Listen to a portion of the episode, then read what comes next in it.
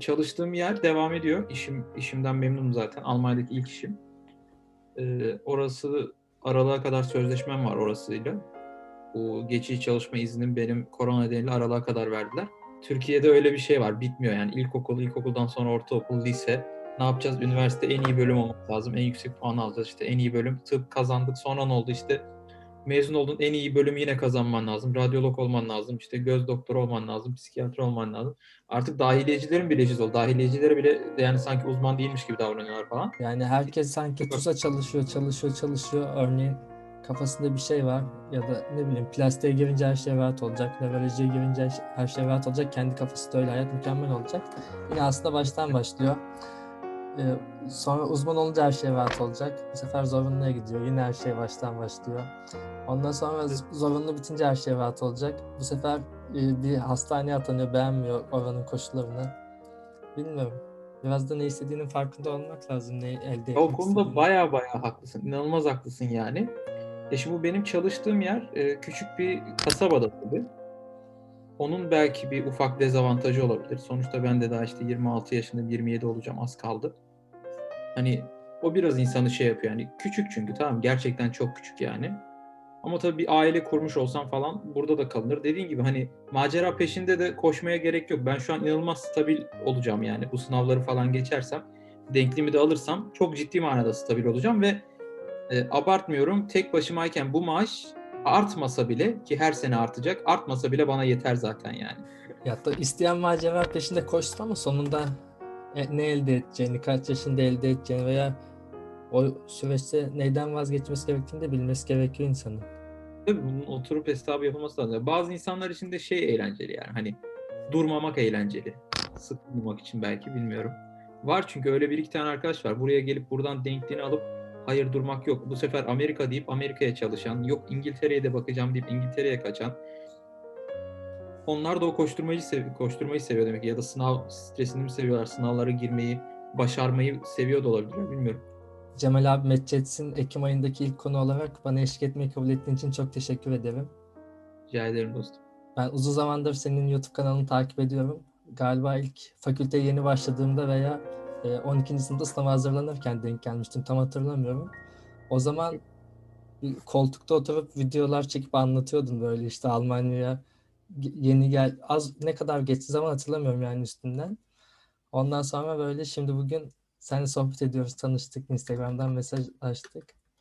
İstersen evet, bunu biraz bana hiç söylememiştin bak. Ben bunu bana söylemiştin. Bana da sürpriz oldu. Ben ta o zamanlardan beri hani koltuk üstünde karanlık videolarımı falan izlediğini bilmiyordum açıkçası. Evet, sildin galiba şimdi onları kalite düşük Onlar, geldi onlar güzeldi. acayip kötü ya. Görüntü kalitesi falan çok kötü. 2018 yılının Temmuz ayında Süleyman Demirel, Isparta Süleyman Demirel'den mezun olduktan sonra 5 gün içerisinde ben soluğu Almanya'da aldım. Alman vatandaşlığım da olduğu için çifte vatandaşım bu arada. Herhangi bir şekilde vize problemi vesaire yaşamadım. Direkt geldim buraya. Geleli 2 yılı doldurdum. 2,5 yıl olacak yakında. Ve Nisan ayında staja başlamıştım burada bir hastanede. Temmuz ayında da çalışma iznim geldi bu Temmuz ayında ve çalışmaya başladım. Temmuz'dan beri 3 ay olacak. Ee, Burada bir bağımlılık kliniğinde, psikiyatri bölümünde asistan hekim olarak çalışıyorum ama bu yaptığım hmm, nasıl diyeyim Almanya'da denkliğimi alasıya kadar ki olan süre uzmanlık eğitiminden sayılmayacak. Yani ismimin başında asistan hekim yazsa da aslında ben daha çok pratisyen gibi çalışıyorum. Ya da iş Bu yeri hekimi. aslında şey bazı ülkeler non-training diye geçenlerden mi acaba bir bölümde Evet, çalışıyorsun? burada öyle bir şey de var. Ee, her ne kadar isminin başında asistan yazsa da yıllar boyunca hiç sanki asistanlık eğitimi almıyorum diyerekten orada normal doktor olarak çalışıp hiç yükselmeden hani sabit maaş yükselmesiyle hayatına devam edebilirsin. Uzmanlık sınavına girmek istemeyen birçok hekim böyle yapıyor yani. Peki bu böyle bazı ülkelerde e, hani burs e, düzeyinde alınan e, ücretler gibi mi geçici yoksa bu ücrette yine böyle e, belli başlı hayat standartlarını yakalayabilir misin? Ben şu an normal doktor maaşı alıyorum. Almanların göç yasasında da belirtilen ilk maddelerden, en önemli maddelerden bir tanesi budur. Yurt dışından eğitim almış birisi, yurt dışından bir kişiyi Almanya'ya getireceksen, Almanya'da o adamın muadilinden daha düşük maaş veremezsin. İşte ucuz işçi göçünü engellemek için e, alınmış bir kural. Bu kuralı Baden-Württemberg eyaletinde çok deliyorlar. Gerçekten orada bürüt 2-2500 maaşa falan çalışan doktor arkadaşlarımız var.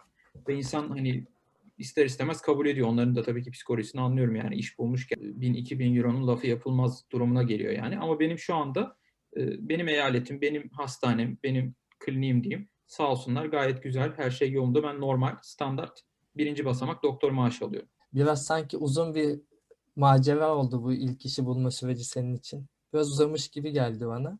Ondan aslında- bahseder misin? Almanya gelmenin birçok farklı yolu var. Ben biraz daha Alman vatandaşı olmanın verdiği işte ben zaten devlet benim masraflarımı üstlenecek falan bunları az çok bildiğim için ben biraz maceraya atılır gibi geldim. Kendi tembelliğimden dolayı da internken Almanca öğrenmem gereken zamanda öğrenmedim. Nasıl olsa Almanya'da bana kursa gönderecekler beni bedava falan diye. Öyle olunca aslında benim geliş sürem ile iş aramaya başladığım süre arasındaki zamanı bu süreçten saymamak lazım. Yani dil öğrenme süreci aslında birçok kişi Türkiye'de belli bir seviyeye getiriyor. Ben onu hiç Türkiye'de yapmadım. Direkt Almanya'da atladım yani.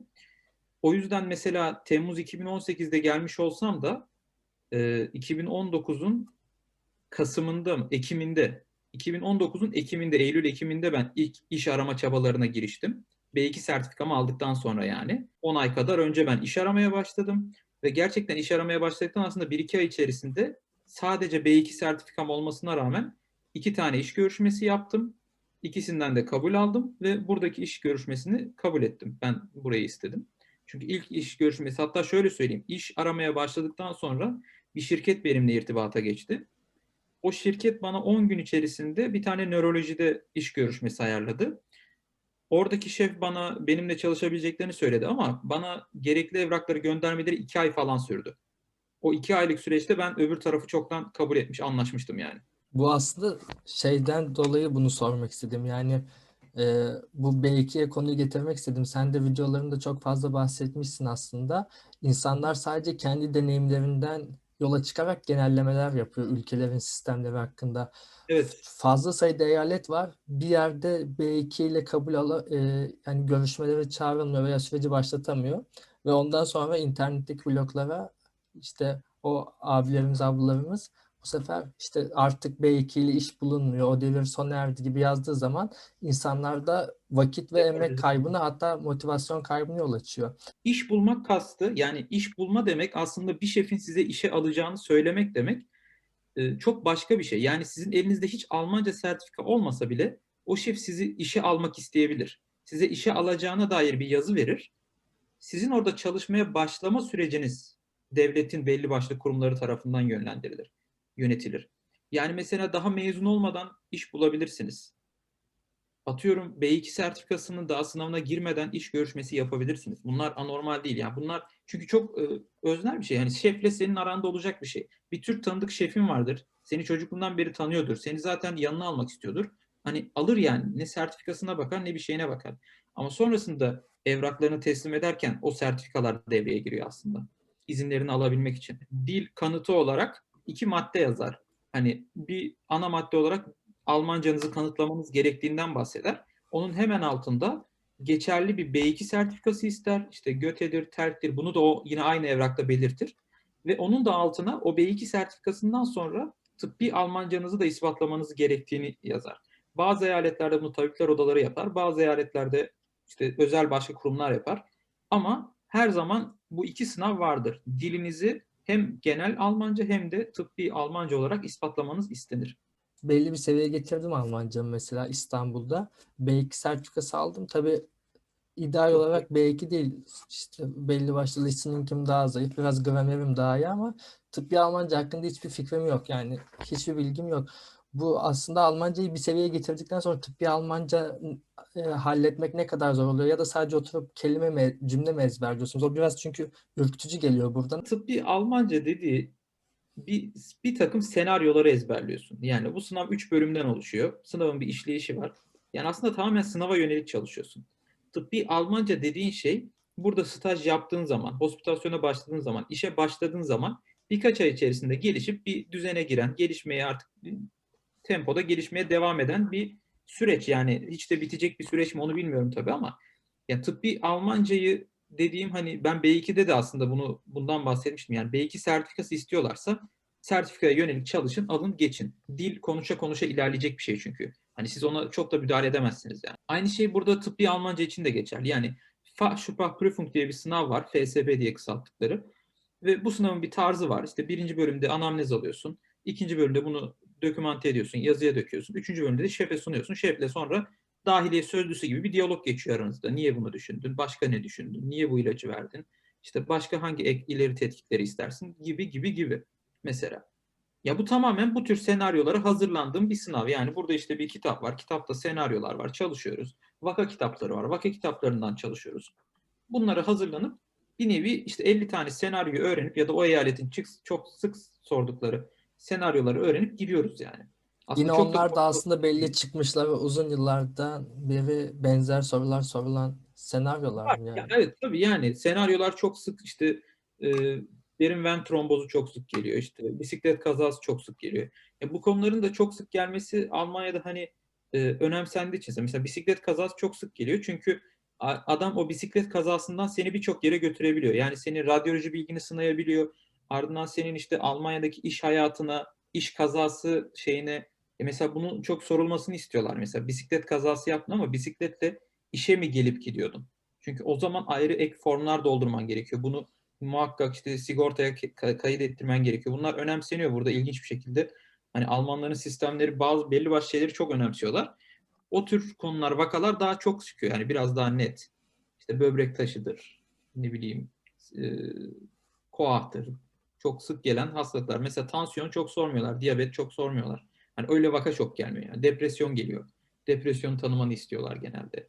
Onda da işte özellikle suizid şey intihar girişimi düşüncesi var mı onu falan sormanı istiyorlar. Burada da ünlü jüriler var. Bazı eyaletlerin jürileri şöyle diyorlar. Bazıları işte böyle diyorlar. İşte kasıtlı bırakıyorlar falan diyorlar ama ya bunlar hep çok kişisel tecrübeler. Yani insan orada inanılmaz bir stres altında oluyor. Ya bir dönem gerçekten Münster'de mesela çok kötü istatistikler vardı. Hatta dava vesaire durumları falan oldu. Şikayetler falan oldu çok ciddi. Hani o tarz mesela bir kasıt olduğu zaman onu hemen fark ediyorsun zaten. %80-85 kalma oranları falan insan anlıyor yani burada bir kasıt olduğunu başka yöne yöneliyor.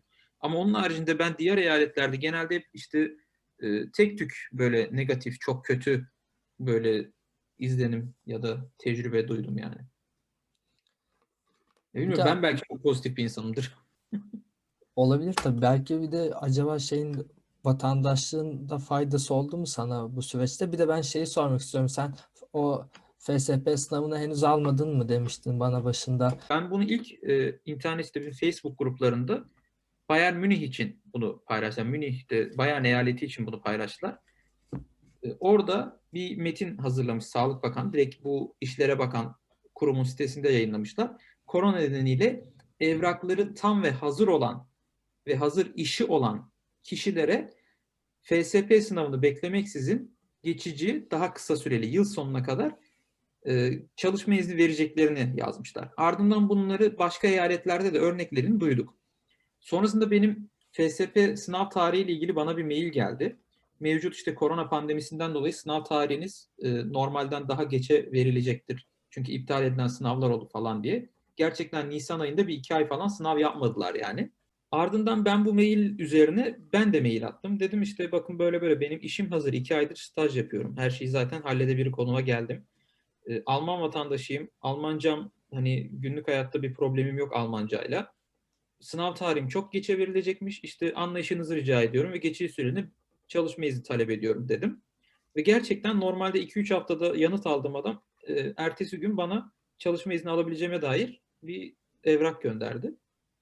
Benimki bu şekilde oldu. Ve aralığa kadar dedi hani aralığa kadar geçerli olacak şekilde verdiler. Geçen aradım mesela korona nedeniyle uzatılmaların hani bu aralıktan da hani diğer yıla uzayıp uzamayacağı ile ilgili daha bir kesinlik yok dedi. Ben her ne kadar sınavı geçersem ne olur diye sorsam da o tür böyle iletişim kopuklukları olabiliyor. Almanlarla telefonda falan da konuşmak kolay değil gerçekten yani. Zaten zar zor ulaşıyorsun adama. Orada bir de rezil olunca kötü oluyor yani neyse. Öyle yani. Bu şekilde bir geçici çalışma izninin geçicisini de almış oldum. Yani bu zaten Beruf Erasmus dediğimiz iki yıla kadar verdikleri geçici bir çalışma izni. Korona döneminde onun daha da geçicisini yaptılar. 6 ay hani sene sonuna kadar geçecek şekilde yaptılar. Ona da şey yapmışlar işte FSP zorunluluğu yok. Ama dediğim gibi burada e, hani evrakları tam olan, hazır olan hazır iş yeri olan hekimlere yapıyorlar bunu. Ve yine bu şekilde başlayan arkadaşlarımız var. Benden sonra gelen birkaç arkadaş daha oldu bu eyalete. Abi o zaman biraz daha aslında geri gitmek istiyorum böyle time lapse gibi ama tersten biraz girdik böyle sondan. Ben kendi merak ettiklerimi önce sordum da. Şimdi sen Hı hı. fakültede okurken ilk fakülteye girerken aklında bu Almanya planı var mıydı? Sonuçta vatandaşlığın var. O mentalitede mi girdin? Ya şimdi şöyle, e, ilk fakülteye girerkenden ziyade benim Almanya'da yaşama hayallerim, plan plan demeyelim de hayallerim diyeyim çocukluktan geliyor aslında. Biz e, hani akrabalar, dedemler burada olduğu için çocukken yaz tatillerinin çok kıs çok büyük bir kısmını burada geçirirdik. E tabii o zamanlar işte iki tane torun var, böyle tüm maaşlar bize akıyor falan. Hep de tatiller bayağı neşeli güzel geçerdi yani. Bir valiz gelip beş valiz dönerdik falan. O zamanlardan bilinçaltında işlenmiş bir şey var tabii ister istemez. Almanya'da güzel vakit geçirebildiğime dair. Gerçekten ilginçtir. Düsseldorf havaalanına indiğim zaman benim, ben böyle bir hoş hissederim yani nasıl diyeyim bilmiyorum yani çocukluğuma gider gelirim yani o kokusu işte atmosferi falan. Ama üniversiteye başlarken Almanya'da mesleki hayatımı yapacağım şeklinde bir planım olsaydı üniversite tercih döneminde falan büyük ihtimalle biraz daha detaylı araştırır ve tıp yazmazdım.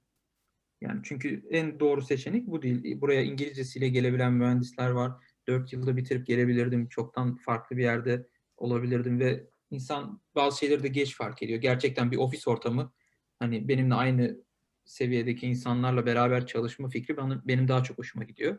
Hani bir kapalı bir ortamda devamlı hasta baktığın, öğle yemeğinden öğle yemeğine çalışma arkadaşlarını gördüğüm bir ortamdansa bilemiyorum tabii. Yani o tarafı da, o kısmı da denemedim tabii de. Bana öyle geliyor yani şeyde yoktu. Hani başlarken tıp fakültesinde başlarken kesin öyle bir planım yoktu. İşte ben mezun olur olmaz Almanya'ya gideceğim planı yoktu. Dördüncü sınıfta ilk dahiliye stajında bir ufak bir aman Allah'ım ne yapıyorum ben oldum.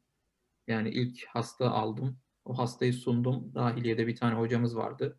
Beni orada işte malum klasik yerin dibine. Ee, öyle olunca dedim ki ya bu ne, nasıl bir meslek? Yani hastayla iletişim kurması çok zor. Çünkü hani hastaların büyük çoğunluğu gerçekten iletişim kurması zor insanlar yani ve zaten insanla iletişim kurmak hani tanımadığın bir insanla iletişim kurmak zor yani ve sen bir insanın en zor haliyle ilgileniyorsun. Hasta haliyle ilgileniyorsun. İyice zorlaşıyor falan. Orada evet. bir böyle bir meslekten bir hani acaba ben doktor olmak ilginç falan bir oldum. Tabii dördüncü sınıfa gelmişsin. Hani bir sonunu görmek istiyor insan merak ediyor internü falan da. Ondan sonra bir radyoloji stajı ayarladın galiba kendine. Beşinci sınıfta ortopedi ayarladım Ortopedi ilk olarak. mi? Evet, beşinci sınıfın yazında bir ortopedi ayarladım. Onu da şöyle, e, artık ufaktan ben gerçekten Almanya'ya gitme arzumun arttığını fark ettim. Dedim ki bir gideyim, bir göreyim. Yani bir hastane ortamını göreyim, bir şey yapayım. Amerika'ya falan da yazmıştık. Hatta dördüncü sınıfta Amerika stajı falan da ayarlamıştım ama gidemedim. Belli başlı sebeplerden dolayı. Sonrasında dedim hani Almanya'ya yakın, Almanya'da kalacak yer problemi yok, maddi anlamda bizi çok yormaz falan gibisinden. Almanya'da teyzemlerin evine yakın hastanelere mail attım. 40 tane hastaneye falan mail, Ay yok pardon. Almanya'da bir zaten tanıdığımız vardı o hastanede. O şefinden rica etti böyle böyle hani konuşabilir misiniz diye. Orada çalışan bir ameliyat hemşiresi tanıdığımız aracılığıyla ben şefe yazdım. Şef de tabii gelebilirsin falan yaptı. Hani biraz B vitamini oldu yani orada. Sonrasında ben orada bir ay ortopedi yaptım. Tabii ortopedi hani sıfır Almanca ile gittim ve İngilizcem de o zamanlar belki B1 düzeyinde falanmıştır yani. Hala daha çok geliştirdim söylenemez İngilizceyi. Almanca'ya yöneldikçe unutuyor insan. Hani çok kötü bir Almancam vardı. Çok ciddi iletişim problemi yaşadım ben. İletişim problemi derken problem demeyelim de iletişimsizlik diyeyim yani. Hani bir şeyi konuşamıyordun, bir muhabbet edemiyordun. Sormak istediğin soruların çoğunu soramıyordun falan gibisinden. Ona rağmen çok bambaşka bir deneyimdi. Çalışma şartlarını görmek, insanların birbiriyle olan iletişimlerini görmek, sohbetlerini, muhabbetlerini görmek falan bayağı farklı bir şeydi, deneyimdi benim için. Ardından gelip de internlükte de hani dahiliyede en zor, böyle bizim en sıkıntılı geçen bölüm gastrolojiydi. Gastrolojide internlük falan yapınca ben tabii bir şok oldum. Böyle bir bende bir şey oldu yani bir uyanış mı diyeyim ne diyeyim. Dedim ben doktor olursam Türkiye'de yaşayamam, hani Türkiye'de olamam. Türkiye'de olursam doktor olamam dedim yani. Orada işte bir karar vermem gerektiğini hissettim ve bir karar verdim yani açıkçası. Netti yani artık internlükten bayağı netti kararım. Gittikçe pe- pekişti diyeyim. Ondan sonra mezun olduğunda ne yaptın veya internken mi Bir dil öğrenmeye başlamadın Aslında internken. internken dil öğrenmek gerekiyor. Ee, Ben çok uygun fiyata bir özel ders ayarladım. O da bir yine tanıdık Almanya'da eğitim görmüş, Türkiye'ye göçmüş bir hocamız vardı. Geri göçmüş diyeyim. Geri dönmüş bir hocamız vardı. O hocamız gerçekten benden çok çok çok komik bir ücret alıyordu. Yani o Is- Isparta'da bulunan yerel bir dil okuluna kızdığı için kendisi dil okulundan ayrılıp özel ders vermeye başlamış bir insandı. İlk bana haber vermişti. Ben ilk öğrencilerinden biriydim yanlış değilsem. Ve gerçekten çok komik bir e, ücret alıyordu benden. Ve ben internken devamlı nöbetlerim vesairelerim belirsiz olduğu için sabit bir ders saati ayarlayamıyordum. Onun da planlarını çok etkilediği için ben rahatsız oluyordum. O yüzden e, birkaç tane böyle bir 6-8 tane belki 10 tane özel ders aldıktan sonra ben hocaya dedim hocam dedim hani böyle böyle ben sizi çok kilitliyorum dedim. Çünkü öğrenci sayısı falan da çok arttı. Hani benim de şey yaptığım bir sürü öğrencisi oldu devam etti. Öyle olunca ben kendimi rahatsız ettim. Bıraktım dersleri. E tabi dersleri de bırakınca internlük TUS da yok vesaire de yok. Bayağı hani güzel vakit geçirdik. Almanca da çok çalışmadım yani. Bir de dediğim gibi hani Alman vatandaşlığı. Ben o zamanlar mesela çok toz pembe bakıyordum. İşte ben çok komik planlarım vardı yani. Sen sonradan bunların ne kadar komik olduğunu anlıyorsun yani. Ben bunları da aslında kanalda çok anlatmaya çalışıyorum yani. Yani herkes beni bekliyor gibi bir şeyden bahsediyorsun başka. Herkes, hayır herkes herkes beni bekliyor. Gerçekten herkes bizi bekliyor aslında. Onu ben söyleyebilirim yani. Burada birçok doktor Türk doktorlar gelsin diye bekliyor. Bu yalan değil yani. Hani o konuda ben ona inanıyorum gerçekten. Hangi anlamda bekliyorlar abi onu? Ya şöyle bir kere ciddi doktor açığı var hala. Gerçekten var. Hani benim gibi benim çalıştığım yer gibi yerlerde hiç bitmeyecek bir açık var yani. Zaten küçük bir yer çünkü. Devamlı bir sirkülasyon olması gerekiyor. Öte yandan NRV gibi eyalette, eyaletlerde, Berlin gibi yerlerde, Hamburg gibi büyük şehirlerde gerçekten Türk doktor hani onlar için de bir avantaj iletişim noktasında vesaire noktasında özellikle yerel klinikler gerçekten böyle bir ihtiyaç var yani. Ben öyle hissediyorum. Ben öyle düşünüyorum yani. Neyse benim internken yaptığım komik hata, komik planı söyleyeyim sana. Hani ben şu şekilde planlıyorum. Temmuz'da mezun olurum. Mezun olur olmaz biner giderim. İşte önüm bir sonraki ay Almanca kursunu ayarlarım. Türkiye gibi düşünüyorum. İki Sene Almanca 2018 mi oluyor? Tabii 2018'in Temmuz ayı mezun olmuşum. Olacağım. Yani o zaman mezun olmama 1-2 ay var. Bunları planlıyorum kafamda. İşte diyorum 3 ayda ben B2'yi alırım diyorum. Hani kursa giderim. 3 ayda B2'yi alırım diyorum. Temmuz diyorum işte. Tamam diyorum. Hani sonra da iş bulsam 2-3 ayda evraklar sürse Aralık Ocak gibi başlarım diyorum. 2019'un ocağına yaptığım planlara bak. Ben gittim 3 ay boyunca ev tutamadım. Job Center'a kaydolmam bir buçuk ay sürdü. Kurs bulmam bir ay sürdü. Kursun başlamasına da bir ay vardı. Ben geldikten dördüncü ayında, beşinci ayında onu da B1 kursuna başlayabildim. Hani daha doğrusu A2'den başlayıp hani en sonunda B1 alacağım kursa başlayabildim. Anlatabiliyor muyum? Çok komikti. Yani orada bir bayağı böyle bir şey oldu yani. Ee, dedim ki evet Almanya farklı biraz dedim. Özellikle ev bulmanın. Ya ben evi bulduktan evi eve taş evin ben evi internette gördükten sonra evin anahtarlarını elime alasıya kadar geçen süre 5-6 hafta falan. Yani hani çok komik ya. Hani bizim hiç alışık olmadığımız şeyler. Ama büyük şehre gidecek arkadaşlar buna hazırlıklı olsun. Ben her yerde böyle sanıyordum.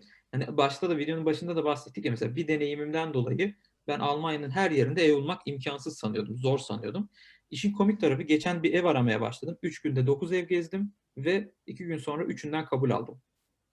Ve 4. 4. günde 5. günde ev aramaya başladıktan 5. günde evimi kiraladım. Yani adam adam orada yaşamıyor olsa o gün anahtarı da alacaktım gerçekten yani. O dizdiğin evden çıktın şimdi yani öyle mi? Çıkıyorsun. Evet buraları terk. Ya bu, bu da var ya hakikaten çok iyiydi ya bu ev. Kirası inanılmaz uygun. Eğer şuradaki klinikte başlasaydım iş yerine 800 metreydi. Yani işte her şey planladığın gibi olmuyor. Ben mesela iş görüşmesinde şef bana sordu. Kadın kliniğinde mi çalışmak istiyorsun, erkek kliniğinde mi diye. Ve ben er, kadın kliniği dedim. Çünkü kadın kliniğinde hem ortam daha güzeldi hem bu çevreyi daha çok beğendim. Hani ikisi de küçük kasaba ama burada bir gölet var, park var. Ne bileyim biraz daha sıcak geldi bana burası. O yüzden kadın kliniğinde çalışmak istiyorum dedim. Şef de tamam dedi. Hani hayır olmaz bizim erkekte daha çok ihtiyacımız var gibi bir şey demedi. Sonrasında ben de o öyle deyince hemen burada bir tane ev buldum. Bu evi de bulması bayağı zor oldu ama buldum yani. Buraya taşınmış oldum ama tabii sonra gelince ben tam orada staja başladım. Orada bir doktor eksiği var dediler. O doktor hastayken onun yerine işte staja başladım yardımcı olayım falan diye. Sonrasında o eksik olan hani izin hasta olan doktor geri geldiği zaman benimle birlikte çalışan doktor da istifa edeceğini söylemiş. Bir ay sonra da o çıktı gitti. Başka bir yerde iş bulmuş. Suriyeli bir doktor. Üçüncü yılındaydı. Daha yeni aprobasyon almış falan. Ee, öyle olunca ben staj yapan ben vardım. Bir de bir tane doktorları vardı. Şef de dedi burada başlayabilir misin dedi. O anda tabii ben de çok seçme şansım da yok tabii yani. Hayır değil dersem ne olur bilmiyorum. O yüzden kabul ettim yani. İyi ki de etmişim. Şu an ben orayı gerçekten seviyorum. Bayağı alıştım